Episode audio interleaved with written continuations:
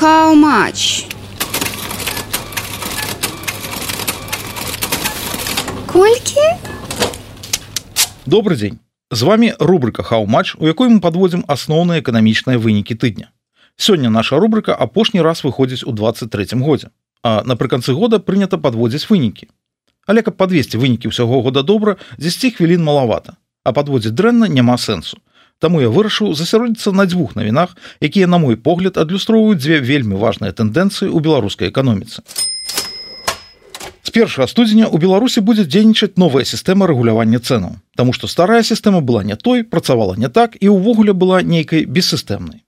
А ўжо з новай сістэмай то зажывем. Прынамсі так сказаў Александр лукашенко. Вот у вас 3 процента в год прирост каким-то группам товаров или в целом?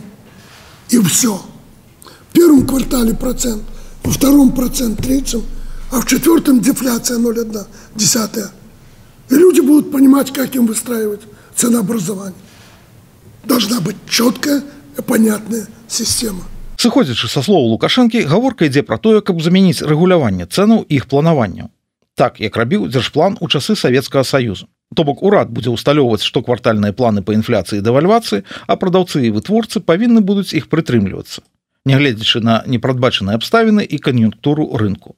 А просто таму што так трэба. Але галоўнае што ў беларускага ўрада цяпер будзе сістэма. Бо атрымоўваецца што ўвесь мінулы год яны сваім цанавым рэгуляваннем забівалі гандаль абсалютна бессістэмна як Бог на душу пакладзе а з першага студзеня уже нарэшце зоймуцца гэтым па дакладных і ўсім зразумелых правілах каб ніхто не сышоў бессістэмна пакрыўджаным За 9 месяцаў гэтага году рэнтабельнасць рознічнага гандлю упала да 1,6% у параўнанні з трыма і чатырмя десятымі адсотка ў мінулым годзе.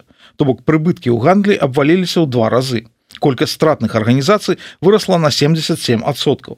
Траціна прадаўцоў не мае уласных абаротных сродкаў. Затое Лукашенко можа пахваліцца перамогай над інфляцыяй законамі эканомікі і здаровага сэнсу. Я прошу журналістаў поднимите пісання, которые тогда былі.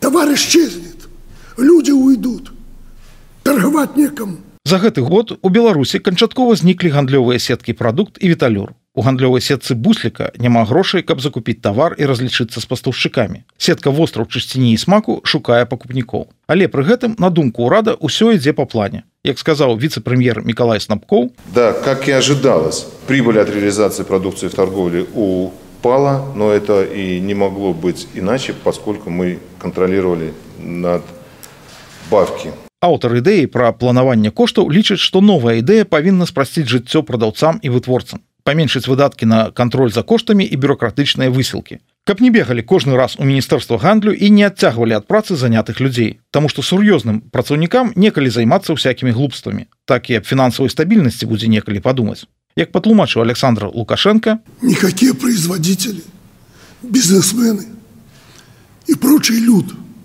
и торговые, и прочее – кто занимается услугами, не должны бегать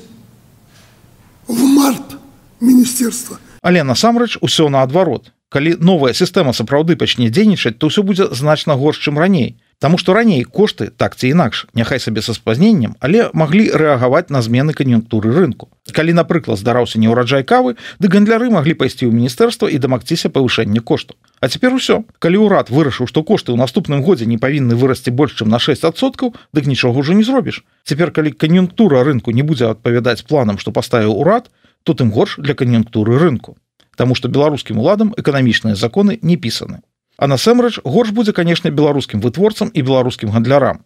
Але гэта апошняе, што хвалюе беларускія ўлады. Бо перад выбарамі Лукашенко вырашыў ізноў асядлаць коня сацыяльнай справядлівасці. Вось што ён сказаў. А некія хозяева получая по 35 тысяч долларов как минимум в месяц. Это нормально. То бок сацыяльная справядлівасць на думку беларускага кіраўніка у тым, каб не было багатых. Але як паказвае гістарычны вопыт у краінах, дзе змагаюцца за тое, каб не было багатых, беднымі робяцца усе. На гэтым тыдні расійскі віцэ-прэм'ер Александр Новак падвёў вынікі пераарыентацыі нафтавага экспорту. Па яго словах, калі раней у Еўропу ішло 40-45соткаў расійскай нафты і нафтапрадуктаў, дык у гэтым годзе доля Еўропы упала ў 10 разоў да 4-5соткаў. То бок пры агульным аб'ёме расійскага нафтавага экспарту 240-250 мільёнаў тонн у Еўропу было пастаўлена каля 12 мільёнаў. Асноўныя еўрапейскія пакупнікі, што засталіся гэта Венгрыя, Чэхія і Славакія. Адпаведна, асноўны маршрут пастаўкі паўднёвая галіна нафтаправода дружба, якая праходзіць праз тэрыторыю Беларусі. У 19 годзе транзіт нафты праз Беларусь па гэтым нафтаправодзе склаў 63 мільёны тонн. У двадцатым годзе 61 з паловай мільёна. У 21 аб'ёмы транзіта ўпалі да 53 з паловай мільёнаў, а ў 22 знізіліся да менш чым 50.